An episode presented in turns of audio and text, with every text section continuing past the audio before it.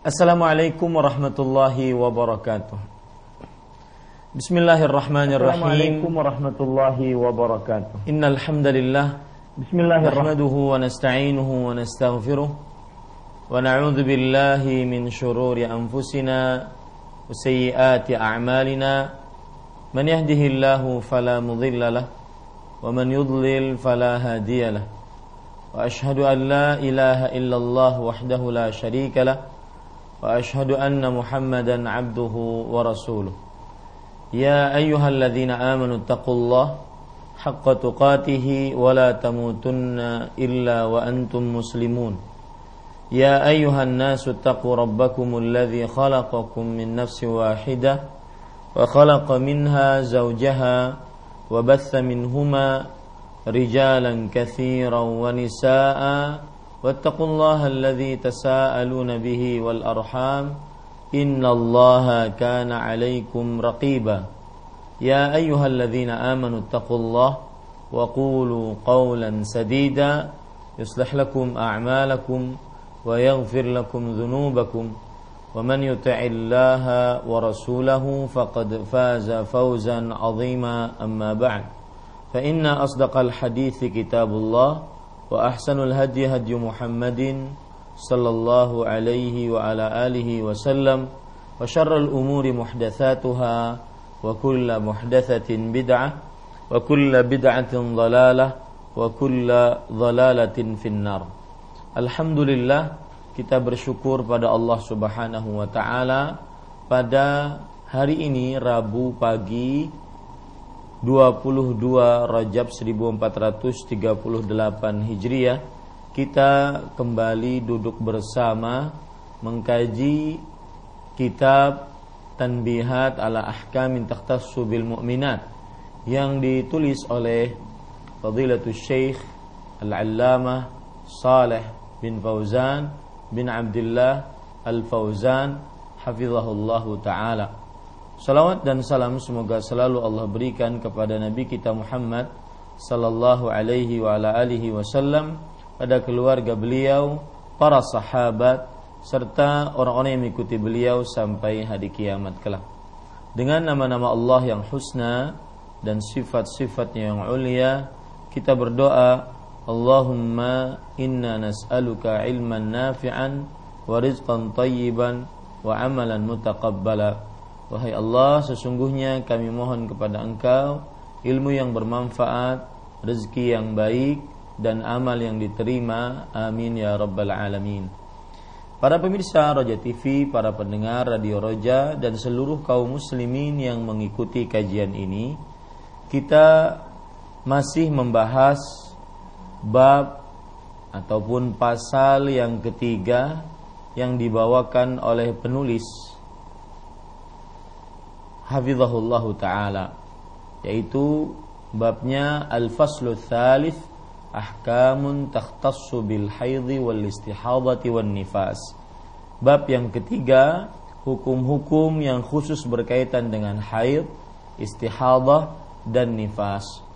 Dan pada kesempatan kali ini kita melanjutkan apa yang sudah kita pelajari dari bab ini yaitu hal yang berkaitan dengan nifas Penulis mengatakan an-nifas wa ahkamu.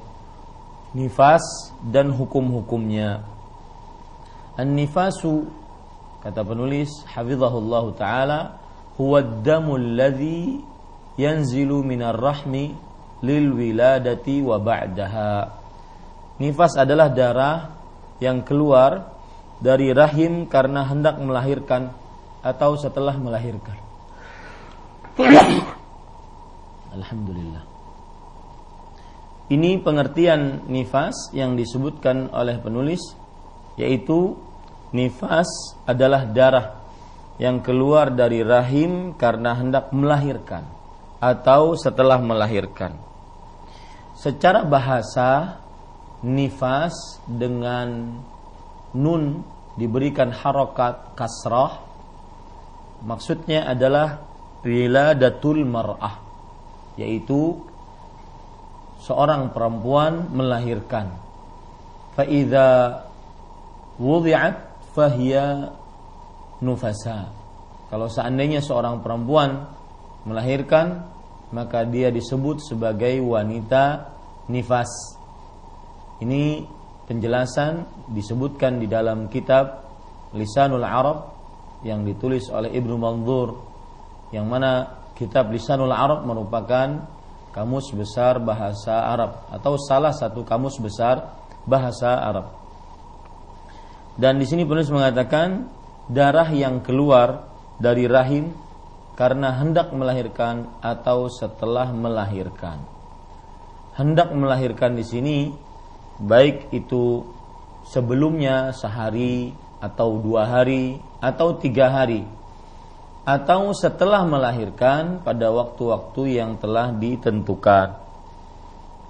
Kemudian penulis Hafizahullah Ta'ala berkata wahwa baqiyatud dam al-muhtabas waqtal hamli fir rahmi dan ia adalah darah sisa yang tertahan ketika mengandung di dalam rahim sebagaimana yang sudah kita jelaskan bahwa termasuk hikmah dari penciptaan Allah Subhanahu wa taala Allah Subhanahu wa taala menciptakan bagi setiap perempuan di setiap bulannya darah haid yang keluar setiap bulannya. Apabila perempuan tersebut hamil, maka darah tersebut berubah menjadi asupan makanan bagi sang janin. Kemudian ketika perempuan tersebut sudah melahirkan, maka asupan tersebut berubah menjadi air susu ibu. Kemudian setelah itu kalau sudah disapih maka kembali lagi dia menjadi darah haid seperti biasa. Nah, para ikhwan yang dirahmati oleh Allah Subhanahu wa taala ketika wanita itu hamil lagi, maka darah tersebut pun kembali lagi menjadi asupan makanan untuk Eh, sang janin. Dan kalau sudah dilahirkan, maka sisa-sisa dari darah tersebut pun ikut keluar. Ini yang disebutkan oleh penulis. Ketika beliau mengatakan dan ia adalah darah sisa yang tertahan ketika mengandung di dalam rahim. Faida waladat kharaja syai'an fa maka apabila seorang wanita melahirkan, darah ini keluar berangsur-angsur. Wa tarahu qabla al-wiladah min khurujid dam ma'a amaratil wiladah fahiya. Ini poin penting. Dan darah yang kau lihat keluar sebelum melahirkan disertai dengan adanya tanda-tanda akan melahirkan maka itulah nifas ya maka itulah darah nifas. Para pemirsa Roja TV, para pendengar Radio Roja dan seluruh kaum muslimin yang mengikuti kajian ini sering sekali ditanyakan tentang darah yang keluar sebelum melahirkan.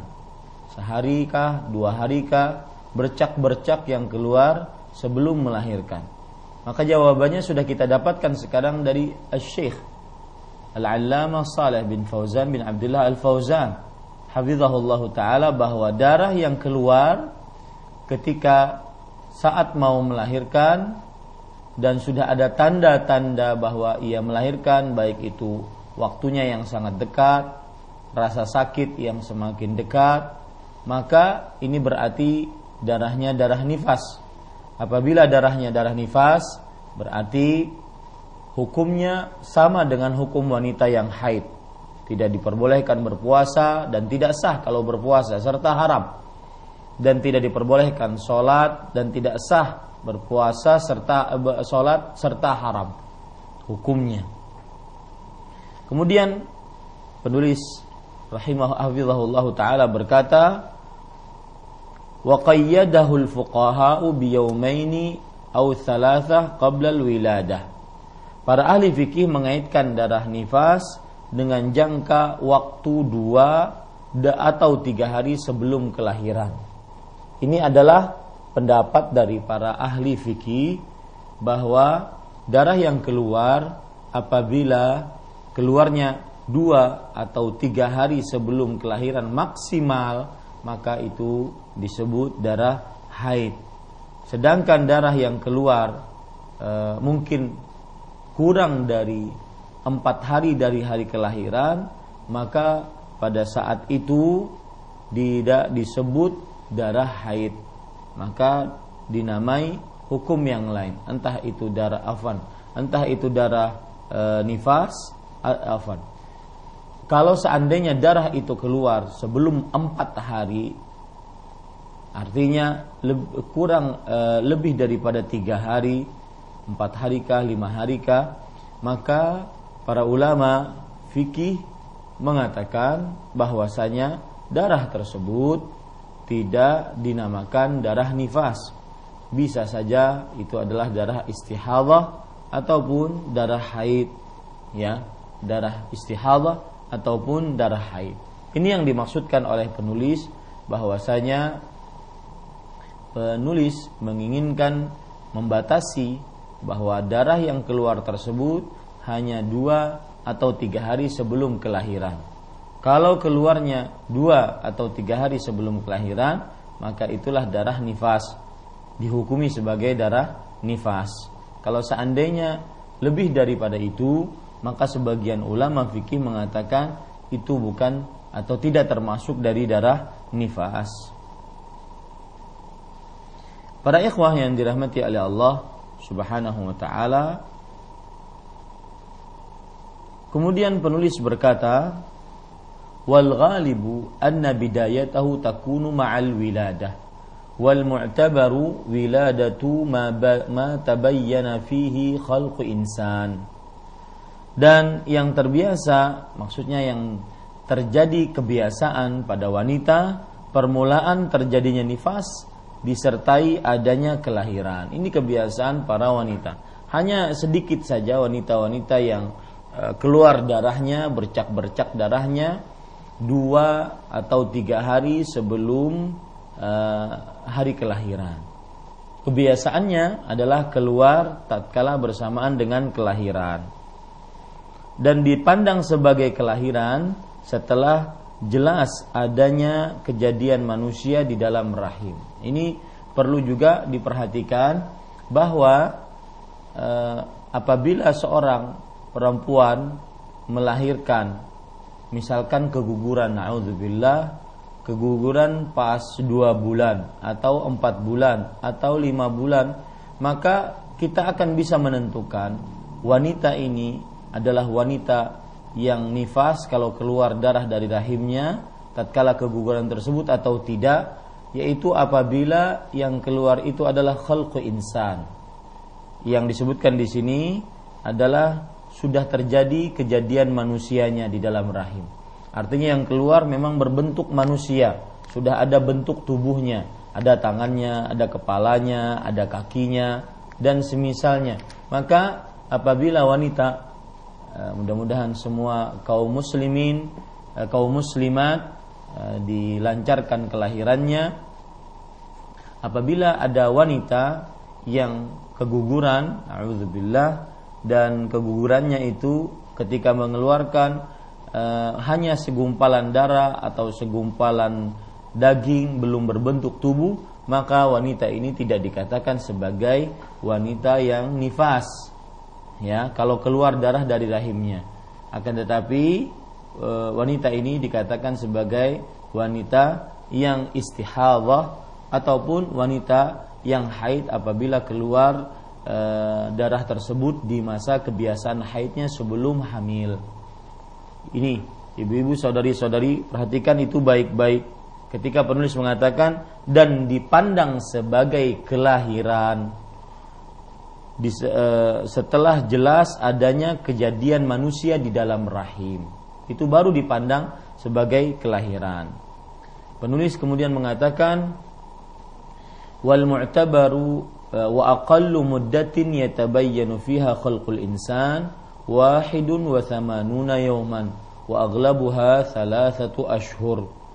Dan yaitu dalam masa mengandung 81 hari dan biasanya 3 bulan. Ya, 81 hari atau biasanya 3 bulan. Saya juga belum e, begitu faham kenapa penulis membatasi 81 hari. Mungkin setelah beliau mengadakan penelitian ataupun ada masukan-masukan dari ahli medis yang mengatakan bahwa manusia bayi janin akan membentuk tubuhnya setelah 81 hari. Yang mana kebanyakannya adalah e, yaitu tiga bulan. Ya tiga bulan. Kemudian penulis berkata faida saqata minha syai'un qabla hadhihi al-muddah wa hasala ma'ahu dam fa innaha la tultafatu ilaihi ولا تدع الصلاة والصيام من أجله لأنه دم فاسد ونزيف فيكون حكمها حكم المستحاضة apabila terjadi keguguran sebelum masa tersebut yaitu sebelum masa 81 hati, hari ataupun sebelum tiga bulan dan terjadi pengeluaran darah maka hendaknya ia tidak melihatnya sebagai sebab yang mengharuskan meninggalkan sholat dan puasa. Karena itu adalah darah kerusakan dan pendarahan dan hukumnya termasuk hukum darah istihadah. Berarti kalau seandainya keluar darah bagi wanita yang keguguran dan belum tiga bulan atau belum 81 hari atau belum membentuk tubuh manusia e, janinnya tersebut maka pada saat itu dia hanya dianggap sebagai wanita yang sedang dalam keadaan istihadah. Kalau dia wanita dalam keadaan istihadah, maka pada saat itu dia berarti e, melakukan apa saja seperti wanita-wanita yang suci lainnya. Bedanya yaitu apabila melakukan ingin melakukan sholat maka dia membersihkan kemaluan kemudian memakai pembalut, kemudian setelah itu dia berwudu seperti biasa, lalu dia sholat. Dan boleh sholat berapa saja sampai dia batal. Kemudian kalau seandainya dia sanggup, dia boleh mandi dengan cara menjamak mandinya. Yaitu ingin sholat zuhur, sholat asar, dia mandi. Di antara sholat zuhur dan asar eh, sebelum sholat zuhur dan asar tersebut. Dan zuhur dan asarnya dikerjakan secara jamak. Diakhirkan waktu zuhur diawalkan waktu asar. Kemudian para ikhwah yang dirahmati oleh Allah Subhanahu wa taala apa bedanya darah nifas dengan darah haid? Ya apa bedanya darah nifas dengan darah haid? Maka jawabannya darah nifas adalah darah haid yang tertahan di dalam rahim yang merupakan sisa dari makanan si cabang bayi atau si janin. Maka ketika e, bayi tersebut lahir, maka rahim tersebut pun pecah, kemudian keluarlah darahnya. Itu disebut dengan darah hak nifas. Nah, apa bedanya antara darah nifas dengan darah haid dari sisi hukum-hukumnya? Hukum wanita yang sedang nifas dengan hukum wanita yang sedang haid dalam perkara-perkara yang dihalalkan, diharamkan, diwajibkan, maka sama hukumnya.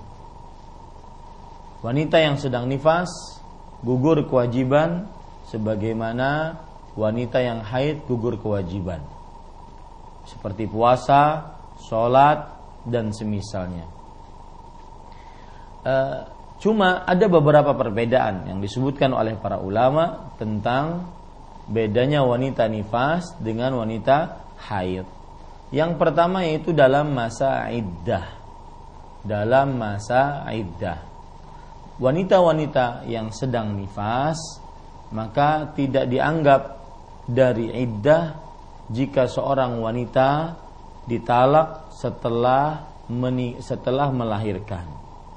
Ya, wanita yang sedang nifas tidak dianggap masa iddah, nifasnya itu tidak dianggap masa iddah jika ditalak setelah melahirkan. Jadi misalkan ada wanita hamil kemudian melahirkan, setelah dilahirkan melahirkan maka sang suami mentalak istrinya, maka masa iddahnya tidak dihitung dengan nifasnya ini tidak dihitung dengan nifasnya. Nifasnya 40 hari misalkan. Setelah 40 hari kemudian dia boleh mencari suami lain karena sudah ditalak dengan suaminya pertama.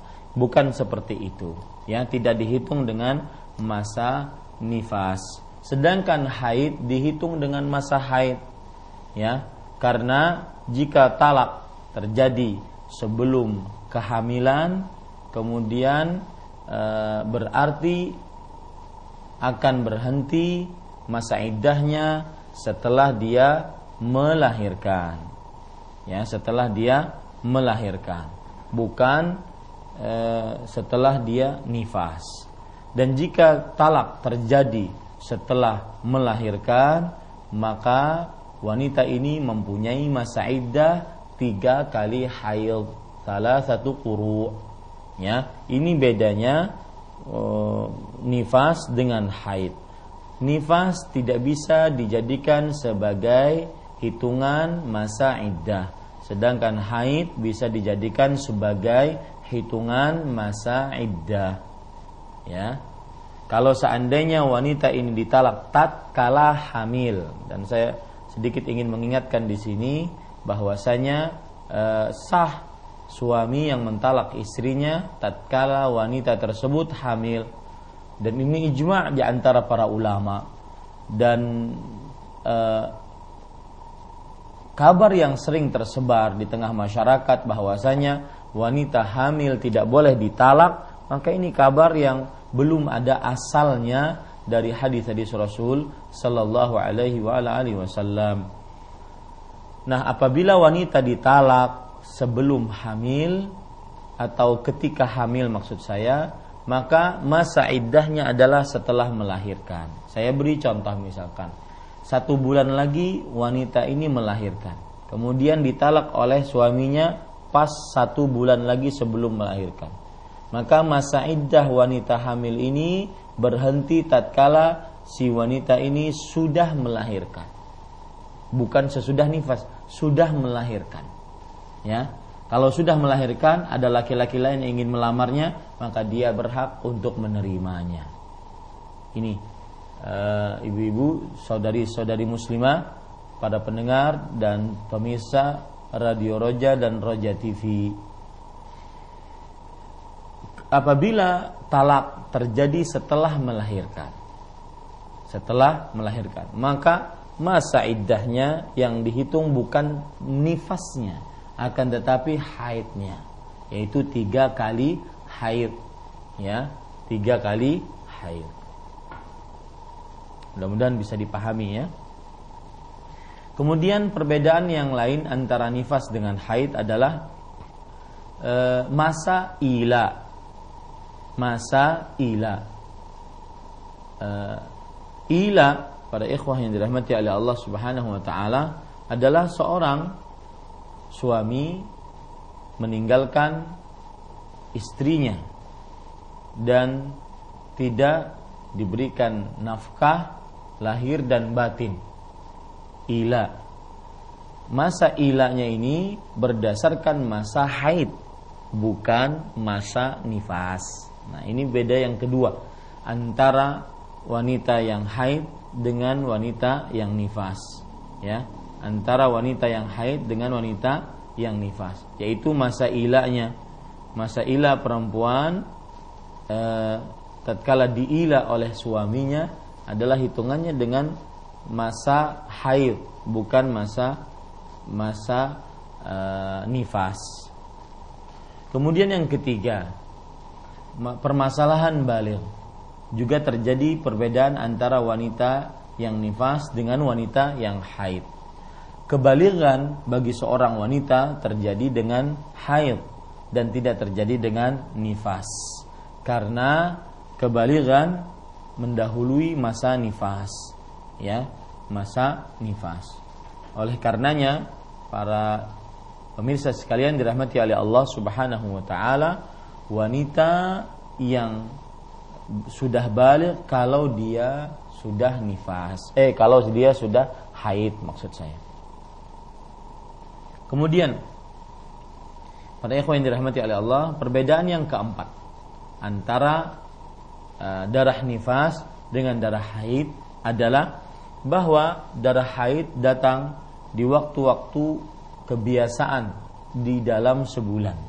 Sedangkan darah nifas keluar setelah melahirkan atau sehari, dua hari atau tiga hari setelah uh, sebelum melahirkan. Para ikhwan yang dirahmati oleh Allah Subhanahu wa taala, sekarang kita baca apa yang disebutkan oleh penulis. Penulis hafizahullah taala berkata, "Wa aqallu wa aktsaru muddatin nifas fil ghalib arba'una yawman ibtida'an min al-wiladah aw qablaha bi yawmaini aw thalathah kama sabaq." Lamanya masa nifas. Lamanya masa nifas. Adapun lamanya masa nifas yang paling panjang menurut kebiasaan adalah 40 hari yang dimulai dari waktu kelahiran. 40 hari dimulai dari waktu kelahiran. Atau dua atau tiga hari sebelum kelahiran kalau seandainya keluarnya sebelum kelahiran dua atau tiga hari ini masuk hitungan berarti, ya hitungan masa nifas. Berarti setelah melahirkan hanya sebatas 38 atau 37 hari sehingga menjadi 40 hari. Li hadithi Ummi Salamah radhiyallahu anha berdasarkan hadis dari Ummu Salamah radhiyallahu anha kanatin nufasa'u tajlisu ala ahdi Rasulillah sallallahu alaihi wasallam arba'ina yauman. Rawahu Tirmidzi wa ghairuhu. Hal ini berdasarkan riwayat dari Ummu Salamah radhiyallahu anha yang artinya wanita-wanita nifas pada masa Rasul sallallahu alaihi wasallam e, duduk selama 40 hari. Kata-kata duduk di sini adalah maksudnya tidak mengerjakan sholat, tidak mengerjakan puasa, waktu nifas mereka sekitar 40 hari. Waktu nifas mereka sekitar 40 hari. E, para pemirsa yang dirahmati oleh Allah Subhanahu wa taala, kemudian penulis mengatakan wa ajma'a ala dzalika ahlul ilm kama hakahu Tirmidzi wa ghairuhu dan ahli ilmu sepakat dengan pendapat ini seperti yang diriwayatkan oleh At-Tirmidzi dan selainnya. Para ikhwan yang dirahmati oleh Allah Subhanahu wa taala, e, tentunya permasalahan ini terjadi perbedaan pendapat di antara para ulama. Ya, terjadi perbedaan pendapat di antara para ulama. Ada yang mengatakan bahwa kebanyakan masa nifas itu 40 hari. Berarti kalau lebih berarti itu bukan darah nifas lagi. Ya. Kalau lebih bukan barah nipas lagi. Ada yang mengatakan bahwa selama darah itu keluar maka e, darah tersebut adalah darah nifas. Selama darah itu keluar darah tersebut adalah darah nifas. Tetapi wallahu alam bahwa pendapat yang diambil oleh jumhur yaitu 40 hari untuk masa lamanya nifas ini di disepakati oleh para sahabat, para tabi'in ya sebagaimana perkataan Imam Tirmidzi rahimahullahu taala yang disebutkan di dalam kitab Jami'ul Tirmidzi wa qad ajma'al ulama min ashabin nabi sallallahu alaihi wasallam والتابعين ومن بعدهم على أن النفساء تدع الصلاة أربعين يوما إلا أن ترى الطهر قبل ذلك فإنها تغتسل وتصلي وإذا رأت الدم بعد الأربعين فإن أكثر أهل العلم قالوا لا تدع الصلاة بعد الأربعين وهو قول أكثر الفقهاء dan para ulama dari para sahabat Nabi para tabi'in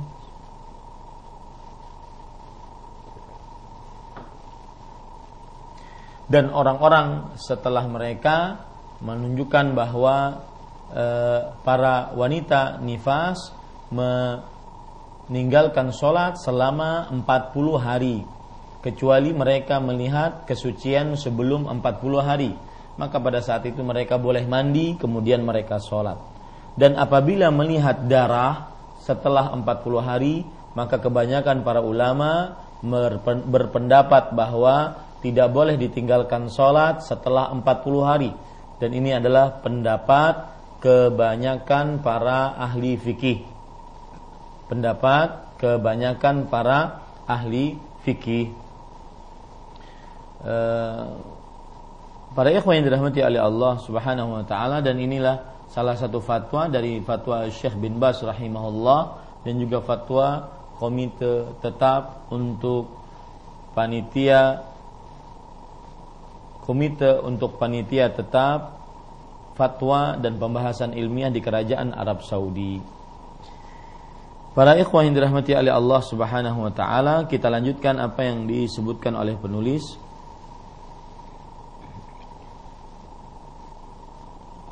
Wa mata tahurat qabla al-arba'ina bi an الدم anha khurujud dam fa innaha taghtasil wa tusalli fala hadda li lam yarid tahdiduh. Dan apabila telah mencapai 40 hari akan tetapi tidak berhenti maksudnya tidak berhenti darahnya setelah 40 hari tetap keluar apabila ia bertepatan dengan kebiasaan masa haidnya maka itu adalah darah haid dan apabila ia telah suci 40 hari dengan berhentinya darah maka ia harus mandi dan mengerjakan sholat. Sedangkan batas paling sedikit dari masa nifas tidak mempunyai ketentuan. Nah, kalau tadi kan kita berbicara masalah e, waktu nifas paling banyak 40 hari.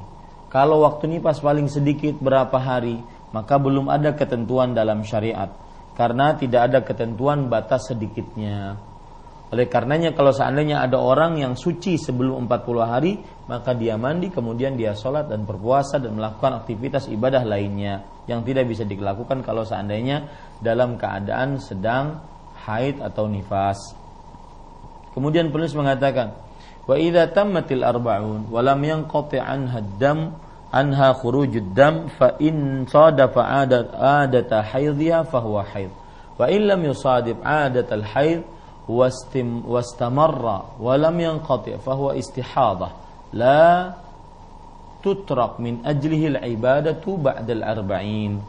Dan apabila telah mencapai 40 hari akan tetapi darah tidak berhenti ya sudah 40 hari tetapi darah tidak berhenti apabila ia bertepatan dengan kebiasaan masa haidnya maka itu adalah darah haidnya jadi seperti ini Misalkan dia sudah 40 hari. Ya. Dari mulai bulan bulan sekarang bulan Rajab eh, dari mulai bulan Rajab ya kemudian 10 hari dari bulan Sya'ban menjadi 40 hari. Nah ketika dia setelah 40 hari masih keluar darahnya.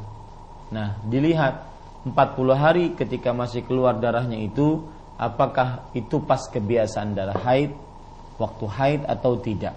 Kalau seandainya kebiasaan waktu haid e, kebiasaan sebelum hamil maka itu berarti darah haid. Ya berarti darah haid. Kalau seandainya tidak kebiasaan masa haid maka berarti itu bukan darah darah haid. Kita lanjutkan. Apabila tidak bertepatan dengan kebiasaan masa haidnya dan darah terus saja keluar tidak berhenti, maka itu dipandang darah istihadah. Ya, kalau seandainya keluar setelah 40 hari dan itu bukan masa haid, maka itu disebut dengan darah istihadah. Maka janganlah ia meninggalkan ibadah karena darah tersebut setelah 40 hari.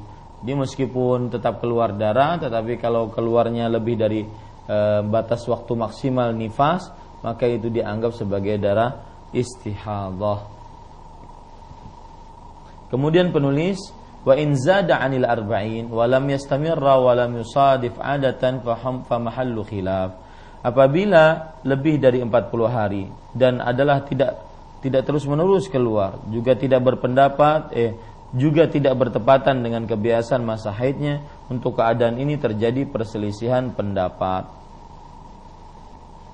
Maksudnya begini, kalau seandainya uh, setelah 40 hari, misalkan 40 hari, kemudian tetap keluar darah haidnya, uh, afan, setelah 40 hari, kemudian keluar darah, darahnya ini tidak keluar terus menerus, kadang keluar, kadang tidak, kadang keluar, kadang tidak maka pada saat itu terjadi kata penulis rahimahullah terjadi perbedaan pendapat. Ada yang mengatakan bahwa itu darah haid, ada yang mengatakan itu darah istihadhah. Wallahu alam sebagaimana sudah kita jelaskan, kalau darah keluar setelah 40 hari, maka pada saat itu darah itu kalau pas bertepatan dengan kebiasaan masa haid dia darah haid. Kalau seandainya tidak bertepatan dengan masa haid maka itu darah istihadhah wallahu a'lam.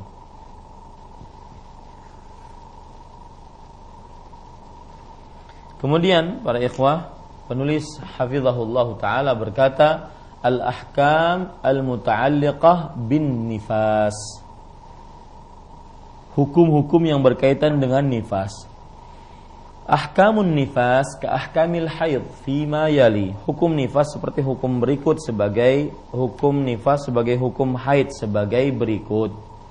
Satu, yahrum wad'un nufasa kama yahrum wad'ul haid. Wa yubahul istimta' alladhi dunal wata' Diharamkannya jima bagi wanita yang sedang nifas yaitu memasukkan kemaluan ke dalam kemaluan. Seperti halnya diharamkannya bagi wanita yang sedang haid. Seperti halnya diharamkannya bagi wanita yang sedang haid. Yang kedua yahrumu 'ala nufasa an tasuma aw tusalliya aw tatufa bil baiti kal haid. Yang kedua diharamkan puasa salat dan tawaf bagi wanita yang sedang nifas seperti halnya diharamkan bagi wanita yang sedang haid yang ketiga yahrumu 'ala nufasa massul mushaf wa qira'atul Qur'an ma lam takhsha nisyanuh kal haid diharamkannya bagi bagi wanita menyentuh bagi wanita nifas menyentuh mushaf dan membaca Al-Qur'an kecuali jika ia khawatir lupa seperti halnya wanita yang sedang haid. Kita sudah bicarakan bahwa untuk membaca Al-Qur'an kalau menyentuhnya memang tidak boleh. Ini pendapat yang lebih kita kuatkan. Adapun membacanya maka hukumnya adalah wallahu alam diperbolehkan ya diperbolehkan wanita meskipun sedang haid dia membaca tanpa memegang mushaf maka diperbolehkan terutama bagi siapa yang e, hafalannya banyak maka niscaya dia diperbolehkan untuk membaca Al-Qur'an memurajah Al-Qur'an tanpa harus memegang tanpa harus memegang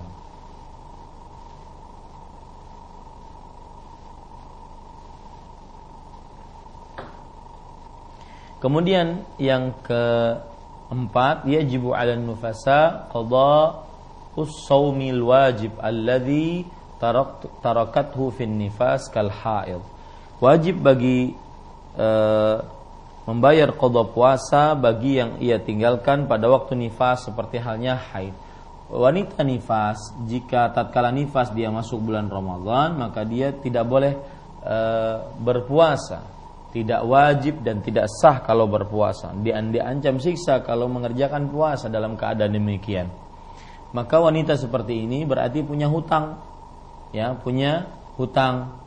Maka kalau dia punya hutang berarti dia harus membayarnya sebagaimana dia ketika haid berhutang tidak puasa, maka dia mengkodoknya di lain hari. Rasul sallallahu alaihi wasallam bersabda nu'maru biqada'is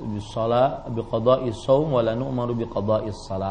Kami para perempuan diperintahkan untuk mengqadha puasa dan tidak diperintahkan untuk mengqadha salat. Yang kelima, yajibu 'ala nufasa an taghtasila 'inda nihayatin nifas kama yajibu 'ala dzalika 'ala al-haid. Wajib bagi wanita yang nifas mandi ketika nifas telah selesai, sama seperti halnya wanita yang haid juga diwajibkan setelah selesai haidnya untuk mandi agar bisa mengerjakan aktivitas ibadah. Jadi intinya eh, para pemirsa sekalian dirahmati oleh Allah dan para pendengar dan seluruh kaum muslimin yang mengikuti kajian ini intinya bahwa wanita yang nifas sama dengan wanita yang haid dalam hukum-hukumnya.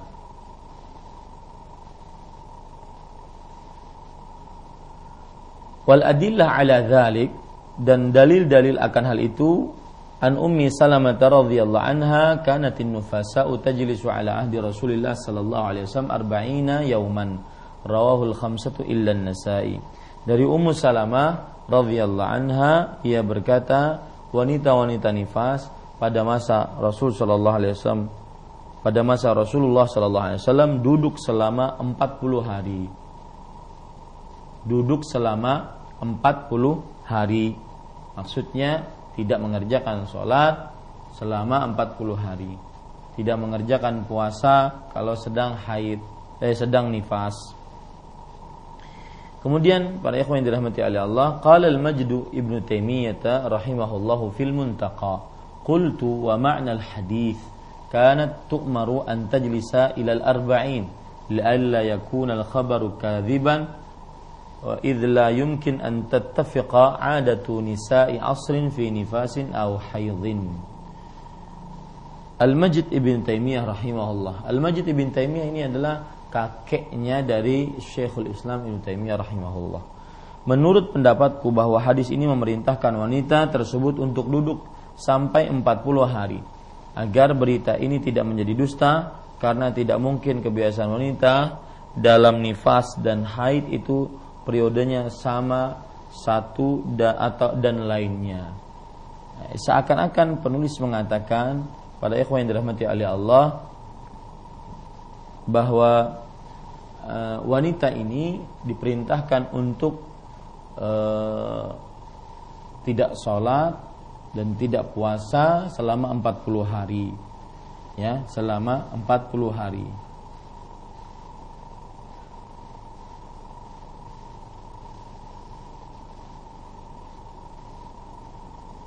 Agar berita tidak menjadi dusta. Karena tidak mungkin kebiasaan wanita dalam nifas atau haid itu periodenya sama satu dan lainnya. Berbeda-beda antara perempuan yang satu dengan yang lainnya. Yang satu sampai 40 hari bahkan mungkin lebih. Ada yang satu tidak sampai 40 hari bahkan mungkin sangat kurang. An Ummi Salamah radhiyallahu anha qalat kanatil mar'atu min nisa'in nabiy sallallahu alaihi wasallam taq'udu fi nifasi 40 lailah la ya'muruha an-nabiy sallallahu alaihi wasallam biqada'i salatin nifas. Dari Ummu Salamah radhiyallahu anha ia mengatakan dahulu wanita dari istri-istri Rasul sallallahu alaihi wasallam duduk selama 40 hari. Nabi Muhammad SAW tidak memerintahkan mereka untuk mengkodok salatnya yang tertinggal karena nifas. Dan ini hikmah Allah dan kemudahan dari Allah Subhanahu wa taala untuk kaum Hawa agar mereka kalau seandainya mengkodok sholat maka sangat sangat menyulitkan mereka ya. Maka yang diperintahkan untuk dikodok hanyalah puasa.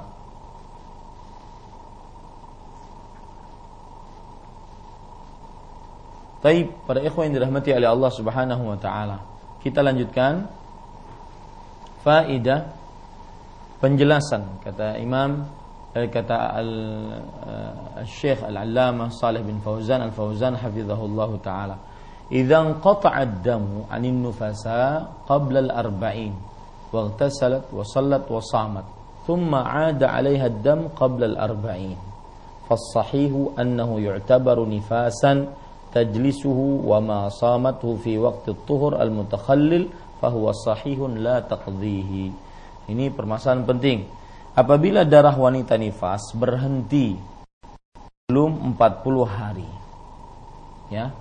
Lalu ia mandi sholat dan puasa. Kemudian darahnya keluar lagi. Tapi sebelum 40 hari misalkan ini jarak 40 hari. Nah, berhentinya di sini dia mandi sholat puasa. Kemudian keluar lagi ternyata. Dan sebelum 40 hari ya maka menurut pendapat yang sahih ia masih dipandang berada dalam keadaan nifas yang ia harus duduk kembali. Adapun puasa yang telah dikerjakan di sela-sela masa sucinya maka puasanya sah dan tidak perlu dikodok lagi. E, tentunya ini terjadi perbedaan pendapat di antara para ulama dalam masalah ini. Ya terjadi perbedaan pendapat para ulama dalam masalah ini e, perbedaan pendapatnya itu sebenarnya adalah pada apakah ada batasan maksimal untuk wanita yang sedang nifas. Kalau jumhur kan mengatakan 40 40 hari. Sedangkan ada sebagian ulama mengatakan selama darah itu keluar maka itu darah nifas.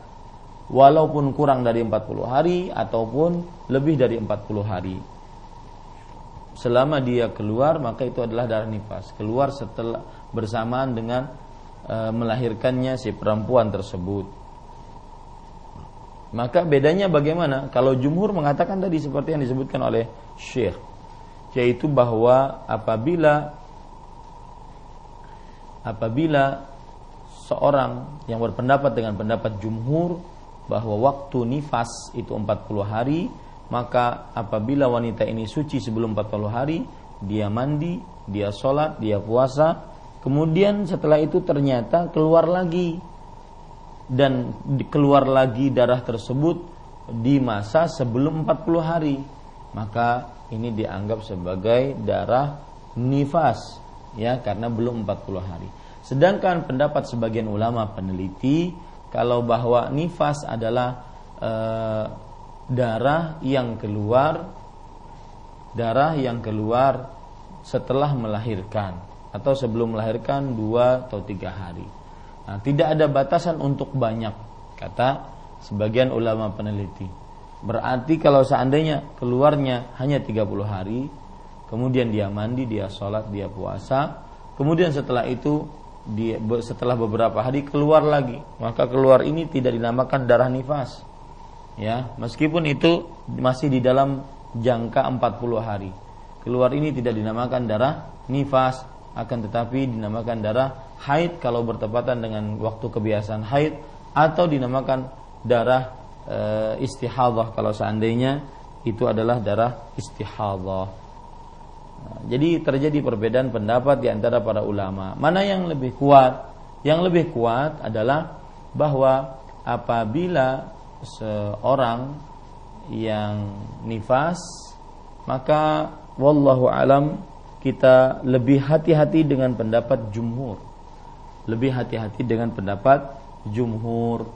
Karena di situ ada ijma kesepakatan para sahabat para tabi'in yang dinukilkan oleh Imam At-Tirmidzi rahimahullahu taala. Taib Kemudian penjelasan tambahan. Faidatun ukhra. Qala Syekh Abdurrahman bin Nasir As-Sa'di rahimahullah fa ظهر مما تقدم أن دم النفاس سببه الولادة وأن دم الاستحاضة دم عارض لمرض ونحوه وأن دم الحيض هو الدم الأصلي والله أعلم Syekh Abdul Rahman bin Nasir As-Sa'di rahimahullah mengatakan dari keterangan di atas jelaslah bahwa penyebab keluarnya darah nifas adalah adanya kelahiran dan adanya istihad dan darah istihadah adalah darah yang keluar karena penyakit dan sebagainya. Sedangkan darah haid adalah darah asli yaitu kebiasaan wanita darah asli. Ini hanya sebatas penekanan dari Syekh bahwasanya darah nifas itu apa, darah istihadah itu apa dan darah haid itu apa. Taib. Kemudian pada ikhwah yang dirahmati oleh Allah Subhanahu wa taala uh, penulis mengatakan tanawulul hub, tanawulul hubub meminum pil pencegah haid. La ba'sa an tatanawal al-mar'atu ma yamna'u anha nuzulul haid idza kana dzalika la yadurru bi sihhatiha. Artinya seorang wanita dibolehkan meminum pil atau obat yang mencegah datangnya haid apabila obat itu tidak membahayakan kesehatannya. Fa in fa idza tanawalat wa amtana al haid anha fa innaha tusalli wa tasum wa tatuf wa yasihhu dzalika minha ka ghairiha min at-tahirat maka apabila ia telah meminumnya dan haidnya tercegah maka ia wajib melaksanakan puasa dan sholat juga tawaf di Ka'bah ibadah-ibadah itu sah eh, sah jika ia melakukannya seperti halnya wanita-wanita yang berada dalam keadaan suci dan normal. Jadi kalau seandainya dia minum obat untuk menahan haidnya, kemudian benar-benar tertahan, dia seperti wanita biasa. Karena yang menjadi ukuran dalam haid adalah darahnya, ya, adalah darahnya. Akan tetapi untuk permasalahan seperti ini saya memberikan nasihat kepada para wanita khususnya akibat kebanyakan mengkonsumsi obat-obat seperti ini, maka siklus haidnya menjadi tidak teratur dan itu membingungkan sendiri kaum muslimah. E, dan juga tidak ada keperluan yang sangat kalau seandainya memang ibadahnya bisa dilakukan atau bisa diqadha. Seperti misalkan bulan Ramadan, sang perempuan ingin meminum da, fil dar pil yang menahan darah haid maka para ikhwah yang dirahmati oleh Allah Subhanahu wa taala, uh, haid adalah takdir yang Allah telah tuliskan untuk uh, anak perempuan Adam seluruhnya. Maka pada saat itu terima saja apa yang Allah Subhanahu wa taala takdirkan. Tidak perlu kita untuk bulan Ramadan minum darah haid, eh, meminum obat penahan haid maksud saya, agar tertahan haidnya sehingga nanti bisa beribadah Eh, di 10 hari terakhir bulan Ramadan. Tetapi tidak perlu. Orang yang mendapatkan Lailatul Qadar uh, bisa saja wanita yang sedang haid karena dia beribadah kepada Allah. Entah itu membaca Al-Qur'an dari hafalannya, berzikir, berdoa dan semisalnya. Wallahu a'lam.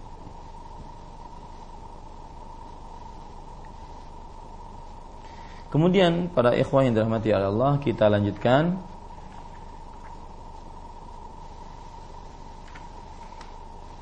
Ya. E, ini agak panjang, akan tetapi kita lanjutkan sehingga bab ini uh, selesai, ya, sehingga bab ini bisa selesai. Kita lanjutkan. Hukmul idhal, hukum menggugurkan kandungan, ijhal bahasa Arabnya. Ayatuhal muslimah innaki mu'taminah syara'an alama khalaqallahu fi rahimik. Minal hamli fala taktumi.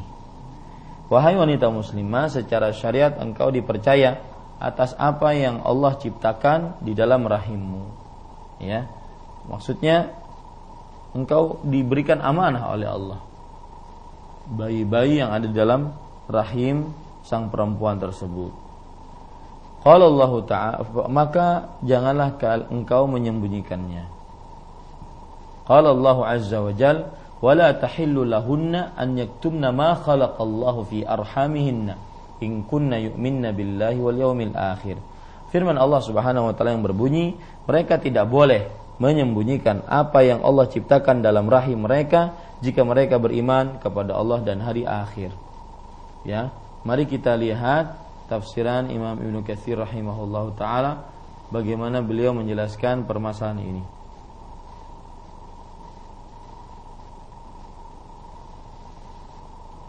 sebagaimana disebutkan dalam surah Al-Baqarah ayat 228 Imam Ibnu Katsir rahimahullahu taala mengatakan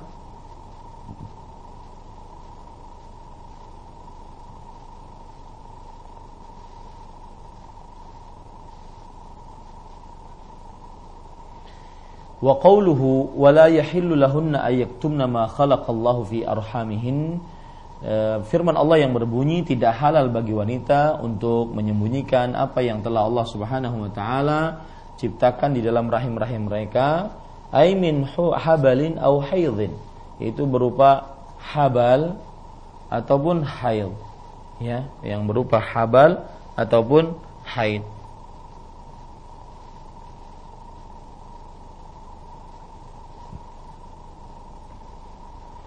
Maksudnya mereka tidak boleh menyembunyikan apa yang Allah ciptakan dalam rahim mereka, yaitu berupa kelah kelahiran, kehamilan ataupun haid. Ini tidak boleh disembunyikan. Dan ini pendapatnya Abdullah bin Abbas, Abdullah bin Umar, Imam Mujahid, kemudian Sya'bi, kemudian Al-Hakam bin Uyainah, kemudian Ar-Rabi'i bin Anas, Ad-Dhahhak dan selainnya. Kemudian Allah berfirman, "In kunna yu'minna billahi wal yawmil akhir." Jika mereka benar-benar beriman kepada Allah dan hari akhir. Tahdidun lahunna ala qawli khilafal haq. Ini adalah ancaman bagi para wanita yang mengucapkan uh, selain kebenaran. Yang mengucapkan selain kebenaran. Kemudian Imam Nukathir mengatakan wadalla hadza ala anna al-marji'a fi hadha fi hadha ilaihinna. Ini menunjukkan bahwa e, sandarannya dikembalikan kepada perempuannya karena li'annahu amma amrun la ya'lamu illa min jihatain. Karena itu adalah perkara yang tidak dikenal la ya'lamu illa min jihatain. Tidak dikenal kecuali dari dua sisi. Wa tata'azzaru iqamatul bayyinah ghaliban ala dhalik. Dan sulit, sulit untuk ditegakkan alasan uh, atas hal itu. Faraddal amru ilaihinna wa tu'idna fihi lialla tukhbira bighairi al-haq imma isti'jalan minha linqida'il iddah aw raghbatan minha fi tatwilih. Uh, maka diancamlah bagi perempuan yang mem memberitahukan tanpa kebenaran. Baik itu karena tergesa-gesa ya agar sele cepat selesai masa iddahnya ataupun karena keinginan untuk menambahkan dari e, masa nifasnya tersebut. Maka e, tidak diperbolehkan perempuan untuk menyembunyikan apa yang ada dalam rahimnya ya tidak diperbolehkan. Berdasarkan ayat ini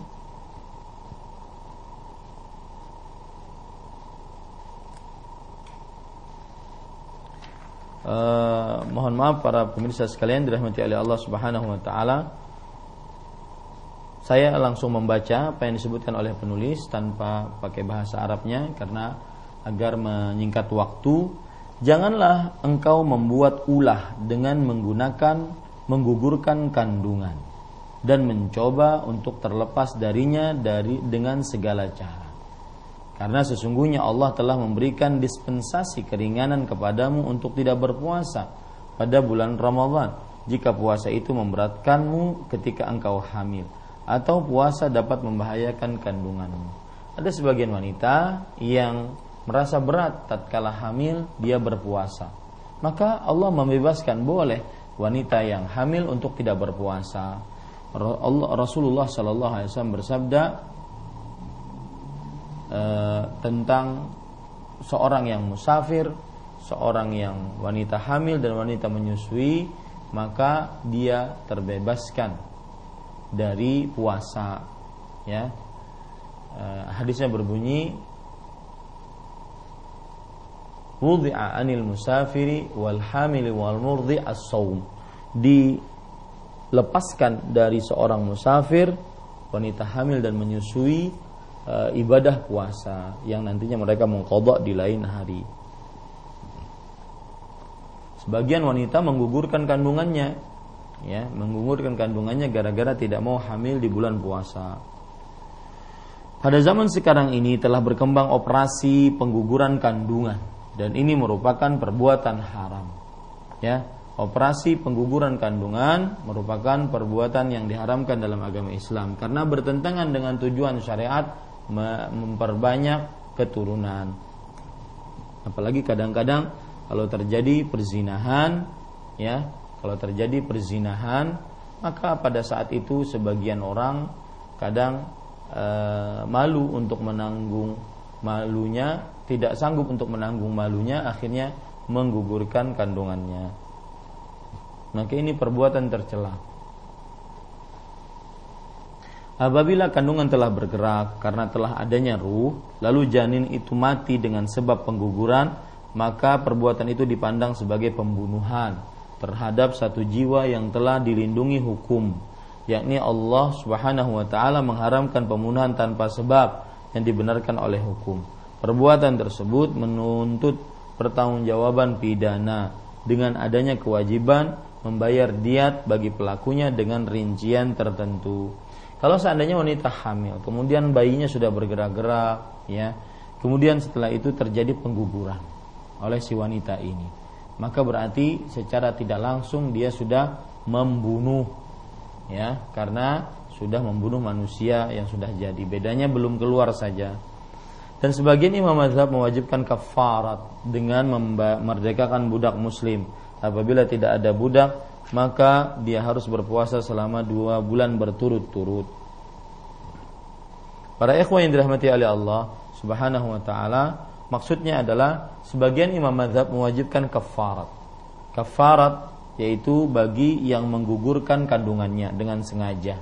Ya, dengan memerdekakan budak muslim Nah, apabila tidak ada budak, maka dia membayar kafaratnya dengan e, puasa berturut-turut dua bulan.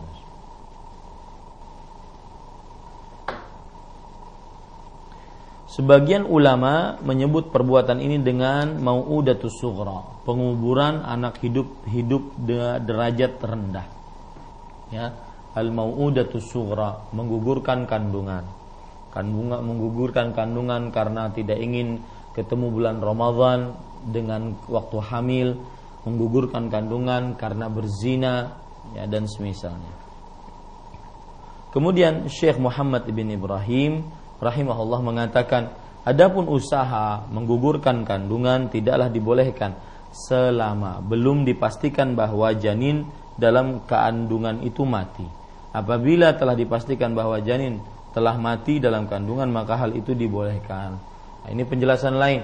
Kalau seandainya kandungan tersebut ya dipastikan mati, maka baru boleh digugurkan. Kalau seandainya kandungan tersebut bayinya di dalamnya itu tidak dipastikan mati hanya keraguan-raguan, maka pada saat itu eh,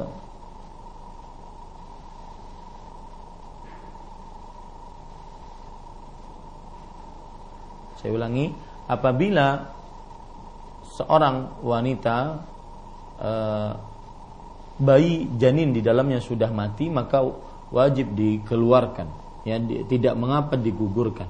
Tetapi kalau seandainya masih diperkirakan hidup maka tidak diperbolehkan untuk dilakukan pengguguran. Ya tidak diperbolehkan untuk dilakukan pengguguran. Kemudian di sini penulis menyebutkan tentang keputusan Majelis Ulama Besar Arab Saudi. Majelis Ulama Besar Arab Saudi. Saya bacakan, Majelis Hay'ah Kibaril Ulama telah menetapkan nomor 140 tanggal 20 bulan 6 tahun 1407 Hijriah sebagai berikut. Tidak boleh menggugurkan kandungan untuk semua tingkat masa kandungan kecuali dalam dengan alasan syar'i hukum dan dan dalam tingkat yang sangat kritis ya tidak boleh menggugurkan kandungan dalam masa berapapun. Dan eh,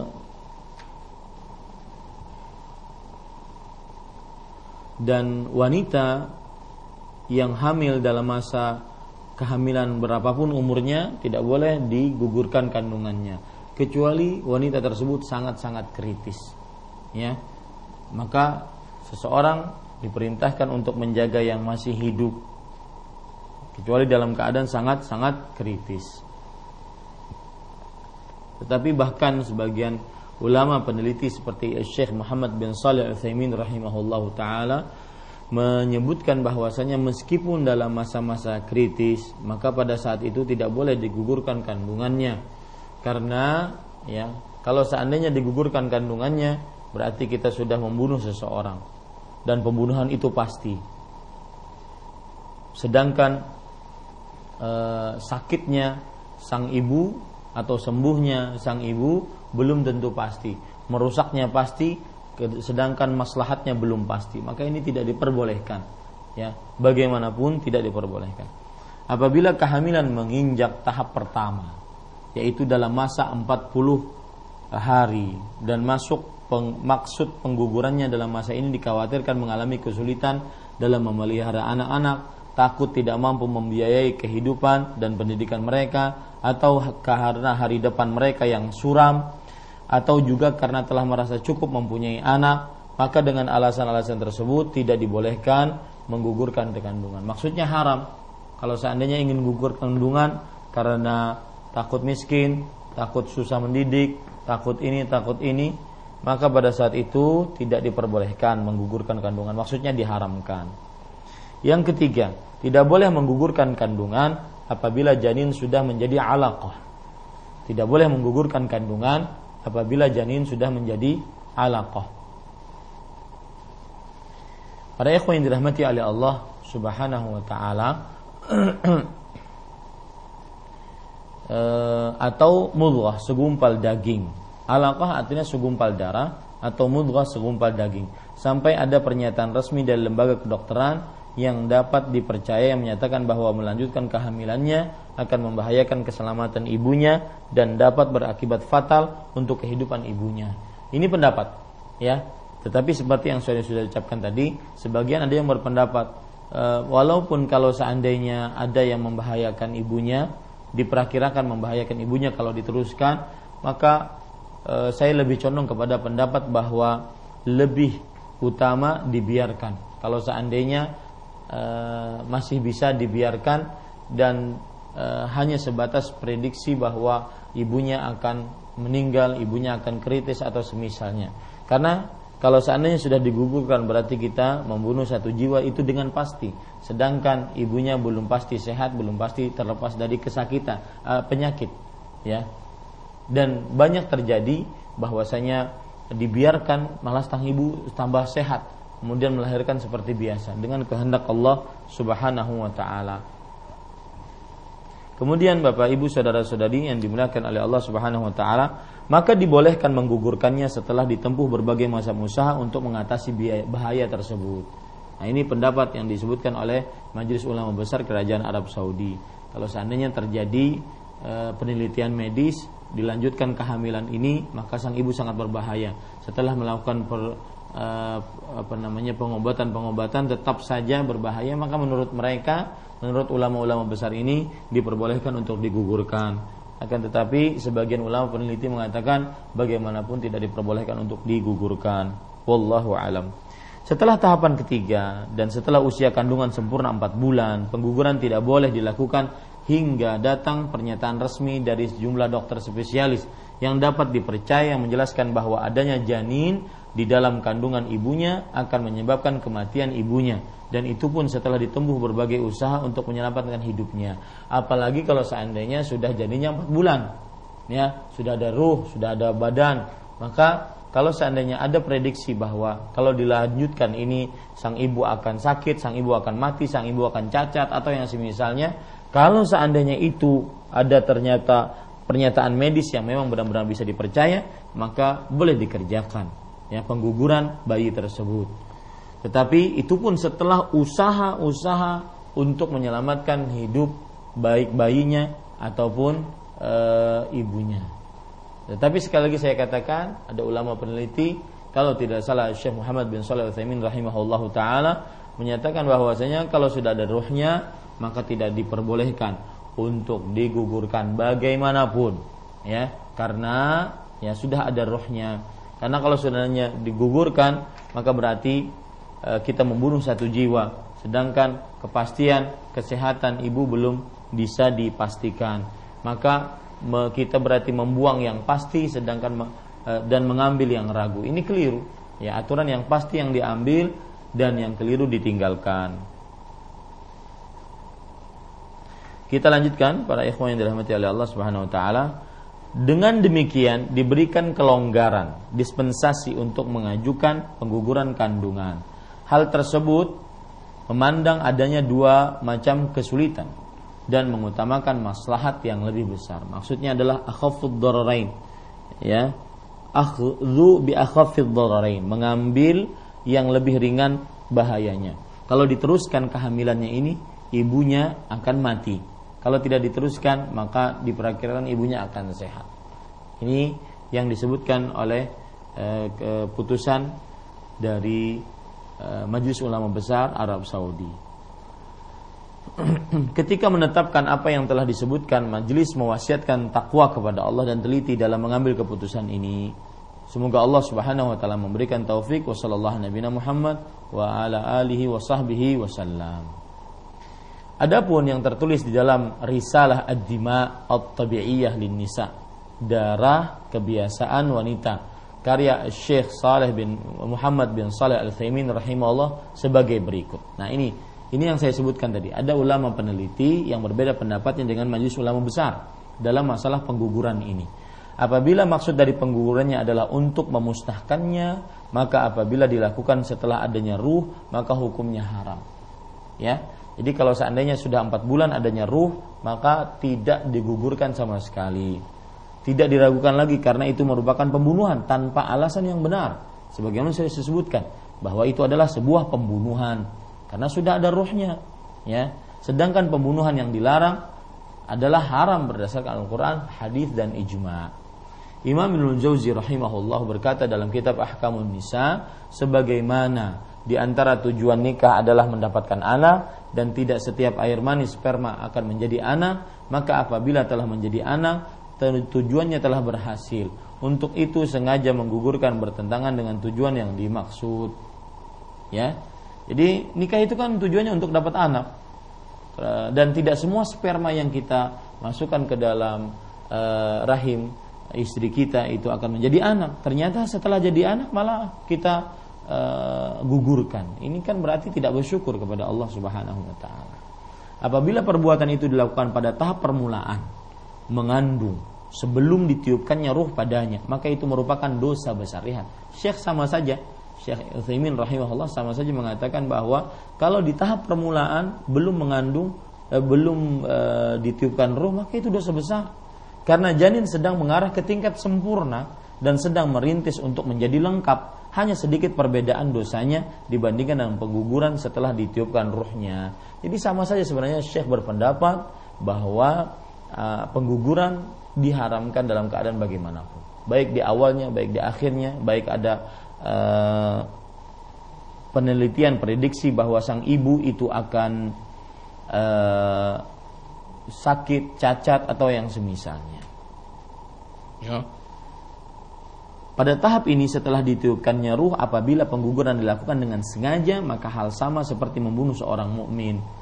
Uh, Allah Subhanahu wa taala berfirman wa idzal mau'udatu su'ilat bi ayyi dzambin qutilat. Apabila bayi-bayi perempuan yang dikubur hidup-hidup ditanya, karena dosa apakah dia dibunuh. Maka ini tidak diperbolehkan untuk menggugurkan kandungan. Dan saya lebih condong kepada pendapat ini bahwa tidak diperbolehkan untuk menggugurkan kandungan bagaimanapun keadaannya. Di awal kandungan, di akhir kandungan setelah ditiupkan ruh, ya.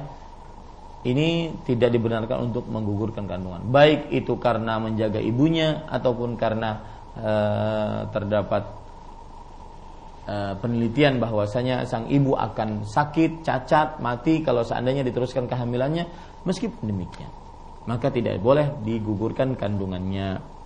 Wahai wanita muslimah, bertakwalah kepada Allah Subhanahu wa taala. Janganlah engkau melakukan dosa ini untuk memenuhi keinginan apa pun. Dan janganlah tertipu oleh promosi yang menyesatkan dan mengikuti kebatilan yang tidak bersandar kepada akal sehat atau agama yang suci. Sebagian wanita ya takut mempunyai anak digugurkan kandungannya. Takut uh, sulit untuk menafkahi anak digugurkan kandungannya dan semisalnya. Maka ini tidak dibenarkan dalam agama Islam ya karena itu termasuk daripada pembunuhan yang diharamkan oleh Allah karena pembunuhannya tanpa kebenaran. Alhamdulillah pasal yang ketiga selesai yaitu dari pasal-pasal yang berkaitan khusus dengan uh, darah haid, darah istihadah dan darah nifas. Insyaallah taala pada kesempatan yang akan datang kita masuk kepada al-faslur rabi' bab yang keempat ahkam takhtassu bil libasi wal hijab hukum-hukum yang uh, khusus tentang berpakaian dan hijab Alhamdulillahilladzi bi ni'matihi tatimmus salihat acara saya kembalikan kepada uh, Akhi Ari sebagai pembawa acara. Wallahu alam. Nah. Wallahu alam. Nah. Terima kasih atas materi yang sangat bermanfaat di kesempatan pagi hari ini. Semoga apa yang telah Ustaz sampaikan dapat menjadi tambahan ilmu untuk kita semuanya. Ikhwatul Islam, pemirsa TV Roja dan pendengar Radio Roja di mana pun Anda bisa menyimak siaran kami. Silahkan, mulai saat ini kami membuka sesi tanya jawab. Anda yang bertanya bisa melalui via telepon atau melalui pesan singkat. Via telepon, Anda bisa menghubungi nomor kami di 0218236543.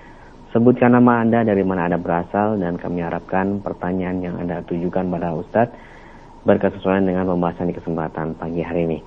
Silahkan kami angkat telepon yang pertama. Halo. Silakan. Assalamualaikum. Assalamualaikum. Waalaikumsalam warahmatullahi wabarakatuh. Bapak siapa di mana ini? Di Tangerang. Bapak siapa? Abdul Karim. Silakan Pak Abdul Karim pertanyaannya. Saya ingin bertanya ya. Bagaimana hukumnya kalau orang mendengar ajan tapi dia nggak pernah ke masjid berdekatan masjid. Baik Pak Abdul Karim. Itu hukumnya Ustaz. Baik Pak Abdul Karim. Assalamualaikum warahmatullahi wabarakatuh. Waalaikumsalam warahmatullah. Silakan Ustaz. Mohon maaf Ustaz, pertanyaan tidak sesuai dengan apa yang saya telah sampaikan. Ya, bismillah walhamdulillah wassalatu wassalamu ala Rasulillah. Jazakumullahu khairan kepada Bapak Abdul Karim. Kalau tidak salah, pertanyaannya adalah apa hukumnya kalau kita mendengar azan sedangkan sholatnya di rumah atau semisal seperti itu. Betul? Pertanyaan seperti itu, uh, Mas Adi? Betul? Pertanyaan seperti itu. Iya Ustaz. Nah, Taib. betul sekali. Bismillah, walhamdulillah, wassalatu wassalamu ala rasulillah Adapun seorang yang mendengar azan dan sholatnya di rumah Maka dia berdosa karena e, apabila dia laki-laki dia berdosa. Apabila dia laki-laki, muslim, balik, berakal, mampu, mukim Maka dia berdosa karena tidak menghadiri panggilan azan. Di zaman Rasul Shallallahu Alaihi Wasallam bahwa seorang yang tunanetra rumahnya jauh dari masjid Rasul Shallallahu Alaihi Wasallam tidak mempunyai penuntun untuk e, pergi ke masjid sedangkan banyak binatang-binatang buas di jalan menuju masjid maka pada saat itu pe, Eh, seseorang yang tunanetra ini minta izin kepada Rasul sallallahu alaihi wasallam. Minta izin. Kemudian diizinkan oleh Rasul untuk tidak sholat berjamaah di masjid. Tapi ketika seorang tunanetra ini berpaling, Rasul sallallahu alaihi wasallam bertanya lagi, "Hal sami'tan nida?" Apakah engkau mendengar azan? Ya, apakah engkau mendengar azan? Maka Orang ini mengatakan, "Na'am ya Rasulullah sallallahu alaihi wasallam." Kemudian Rasul wasallam bersabda, "Fa'ajib." Kalau begitu, jawablah. Kalau begitu, jawablah. Dan di sana ada hadis yang menunjukkan bahwa berat bagi orang yang mendengar azan jika dia sholatnya di rumah. Hadisnya dengan maknanya tidak ada sholat seseorang yang mendengar azan dan dia tidak pergi ke masjid tanpa uzur. Makanya sebagian ulama menyatakan bahwa orang yang sholat di rumahnya padahal dia mendengar azan e, tidak sah sholatnya ya tidak sah sholatnya. Ini sebagian ulama ada yang berpendapat seperti ini. Sebagaimana dalam hadis yang berbunyi man sami'an nida falam ya'ti fala salata lahu illa min uzr. Barang siapa yang mendengar azan kemudian dia tidak mendatanginya maka tidak ada solat baginya kecuali dengan uzur. Para ikhwan yang dirahmati oleh Allah, Subhanahu wa taala. Sebagian ulama ada yang mensahihkan hadis ini dan ada yang melemahkan hadis ini. Akan tetapi hadis ini uh, hasan dan yang dimaksud adalah tidak sempurna sholat seseorang. Pahalanya sangat berkurang ketika dia mendengar azan, akan tetapi dia sholat di rumahnya dan tidak di masjid. Padahal tidak ada alasan bagi dia untuk sholat di rumahnya. Wallahu a'lam. Nah.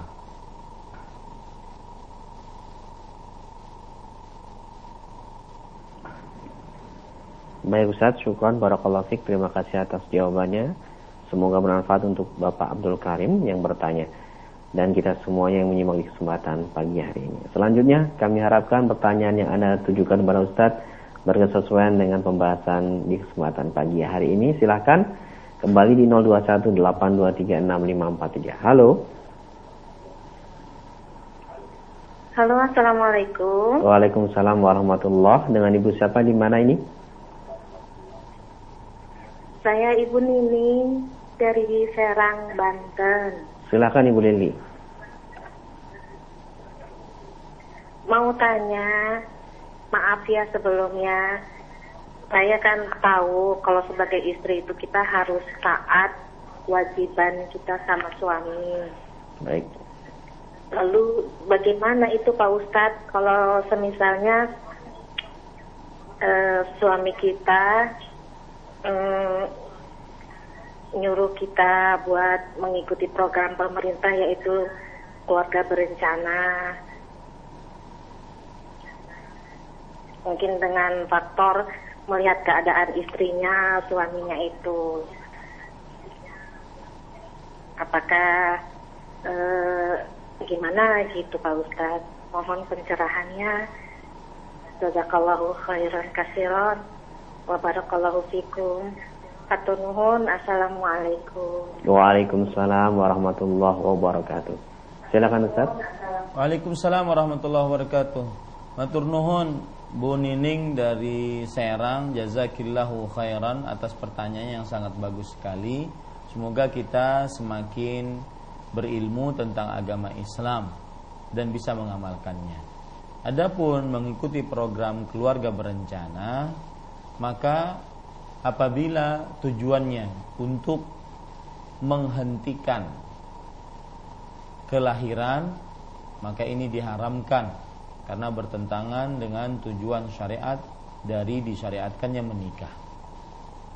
Yang kedua, apabila tujuannya adalah karena takut miskin, takut tidak bisa membiayai menafkahi sang anak, maka ini pun tidak semestinya seorang muslim memiliki pemikiran dan keyakinan seperti ini karena rezeki di tangan Allah Subhanahu wa taala.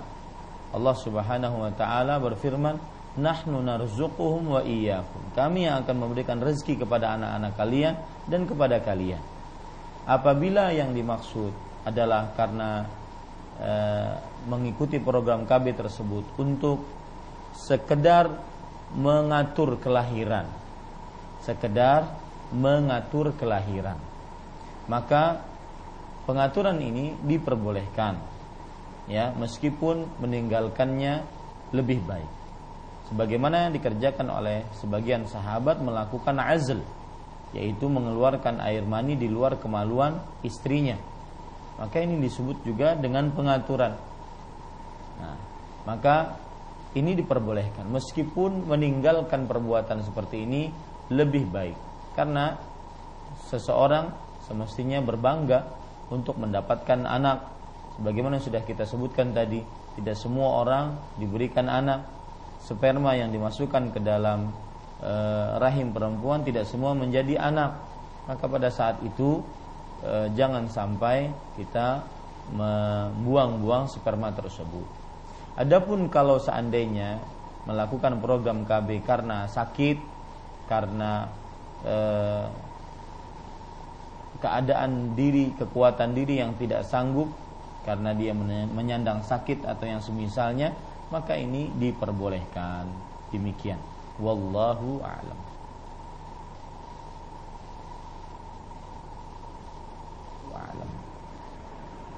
Nah, Ustaz Barakallahu Fik wa jazakallahu khairan. Terima kasih atas jawabannya. Semoga bermanfaat untuk ibu yang bertanya pada kesempatan kali ini. Dan selanjutnya Khawatir Islam kami akan bacakan dan singkat yang telah masuk di kesempatan pagi hari ini. Telah ada beberapa pertanyaan dari Ummu Aisyah di Pekanbaru. Ustadz bagaimana dengan nifas yang lebih 40 hari? Saya sudah dua kali nifas selalu lebih 40 hari bahkan lebih dari 60 hari. Kapan darah dianggap darah istihazah dan saya mulai beribadah kembali? Silahkan Ustaz. Fadol. Ya, bismillah walhamdulillah wassalatu wassalamu ala Rasulillah.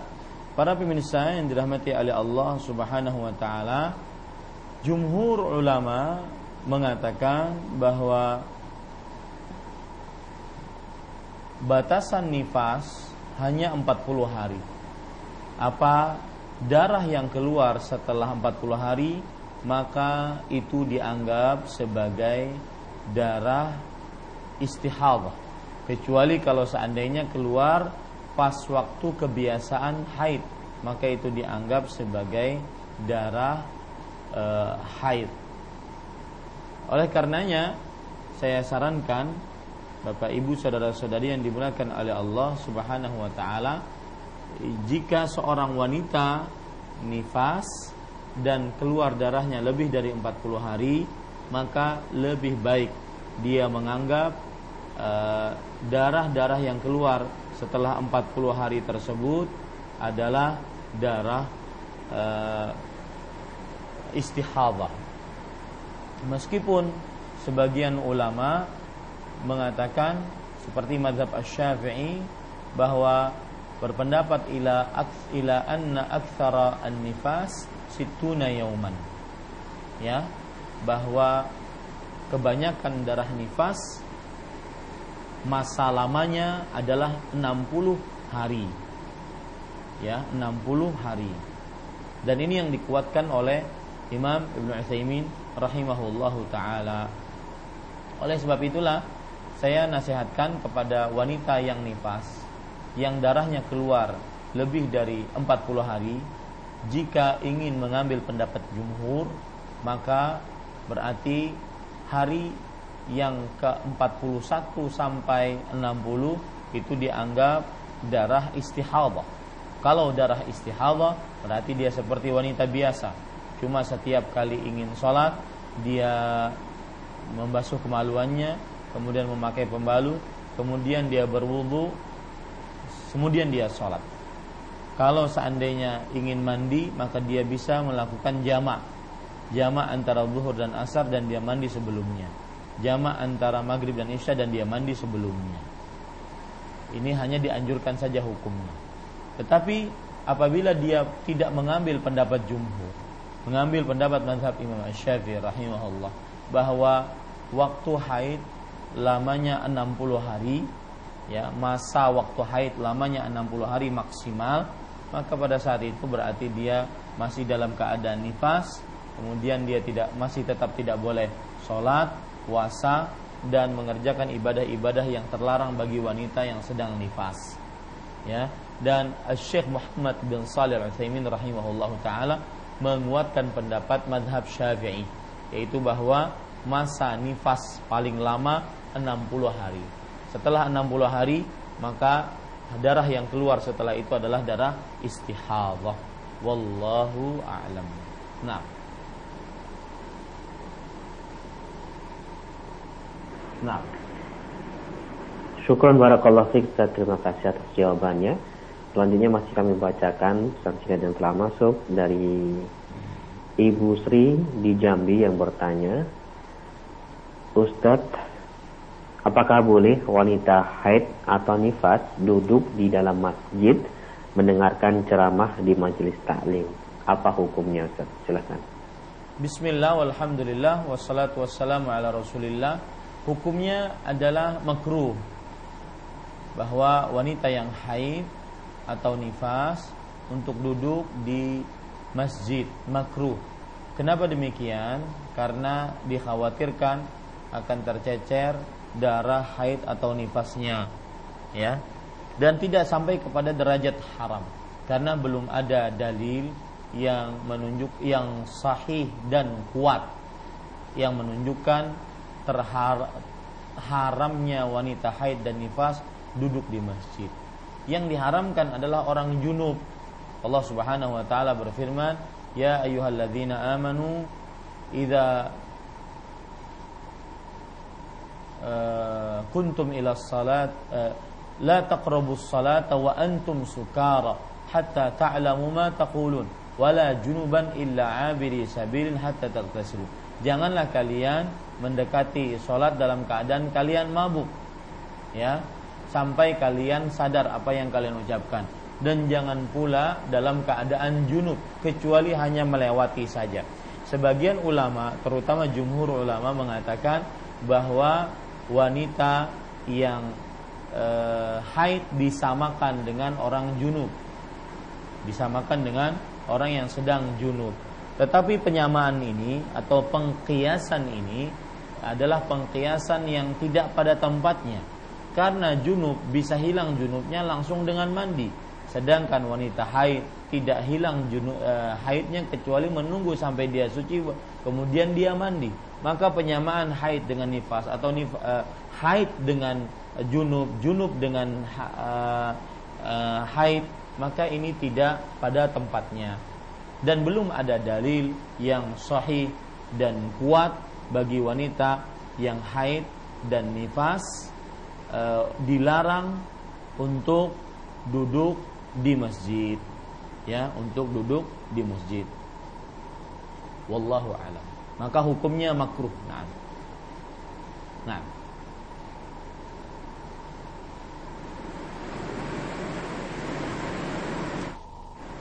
jawabannya kembali kami membacakan pesan singkat dari Umu Azam di Tulung Agung yang bertanya Ustadz saya sudah melahirkan sebanyak empat kali dan keempat-empatnya melahirkannya dengan cara dioperasi sesar. Lalu dokter menyarankan agar saya untuk steril agar tidak bisa hamil kembali untuk menghindari kehamilan yang berikutnya yang akan beresiko jika nanti dengan operasi sesar kembali. Bagaimana hukumnya hal ini? Ustaz? Silahkan. Ya, ini sama seperti yang sudah saya sebutkan tadi. Kalau seandainya memakai uh, obat atau alat dimasukkan ke dalam rahim untuk menahan kehamilan karena agar uh, menjaga kesehatan ataupun agar mengatur kelahiran, maka ini hukumnya tidak mengapa. Untuk menjaga kesehatan hukumnya boleh, bahkan e, tidak mengapa. Adapun untuk menjaga mengatur kehamilan karena hanya sekedar ingin mengatur kehamilan hukumnya juga tidak mengapa tetapi dia meninggalkan yang utama. Ya. Adapun karena kalau seandainya memakai obat ataupun masukkan alat kemaluan agar tidak hamil sama sekali ataupun agar e, karena takut hamil karena takut miskin tidak bisa membiayai maka ini hukumnya diharamkan. Wallahu a'lam na'am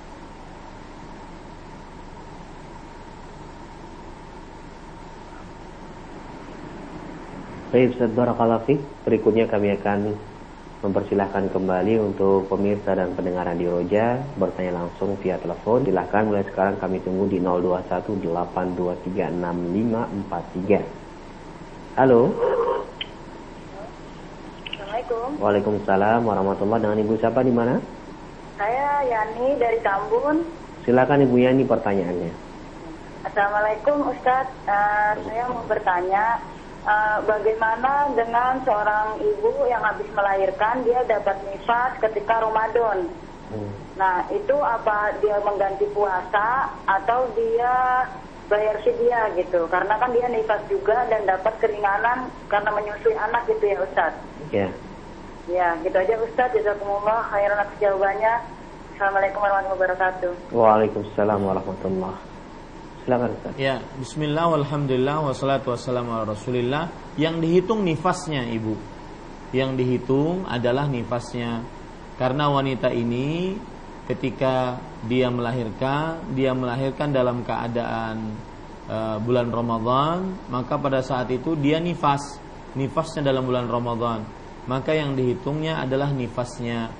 Maka dia mengkodok sesuai dengan hutangnya puasa saat dia nifas di bulan Ramadan. Dia mengkodoknya, ya bukan yang dihitung menyusuinya, ya. Wallahu a'lam. Uh, sebelumnya saya ingin menekankan tadi tentang masalah wanita yang haid dan nifas duduk di masjid, terutama bagi wanita-wanita yang ingin me, uh, menuntut ilmu. Maka seperti yang sudah saya sebutkan tadi, pendapat ulama peneliti bahwa uh, tidak mengapa wanita yang haid dan nifas untuk di masjid, untuk duduk di masjid dan hukumnya makruh ya hukumnya makruh memang jumhur mengatakan bahwa haram hukumnya bagi wanita yang haid dan nifas untuk duduk di masjid.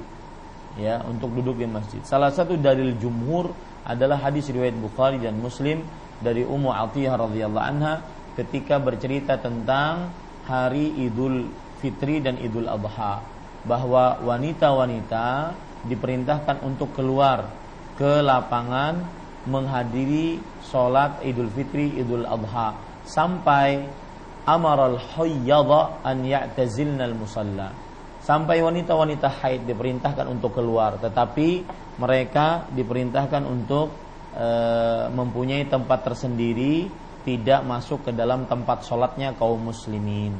Nah, di sini kata jumhur rahimahumullahu taala Nabi Muhammad sallallahu alaihi wasallam mengharamkan wanita-wanita haid untuk masuk ke dalam tempat-tempat sholat kaum muslimin. Uh, adapun hadis yang disebutkan bahwa la uhillul masjid li haidin wala junub. Aku tidak halalkan masjid untuk wanita haid dan junub, maka ini hadis lemah. Ya, maka hadis ini lemah. Makanya saya, saya katakan belum ada dalil yang begitu kuat dan sahih dan rinci tentang larangan wanita yang haid dan nifas untuk di berdiam diri di masjid. Ya, belum ada. Makanya terjadi perbedaan pendapat di antara para ulama. Jumhur mengatakan haram, ulama peneliti mengatakan makruh. Wallahu a'lam. Naam.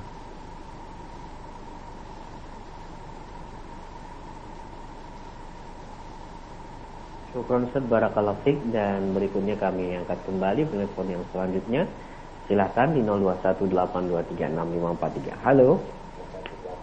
Halo, Assalamualaikum. Waalaikumsalam. Dengan Ibu siapa di mana ini?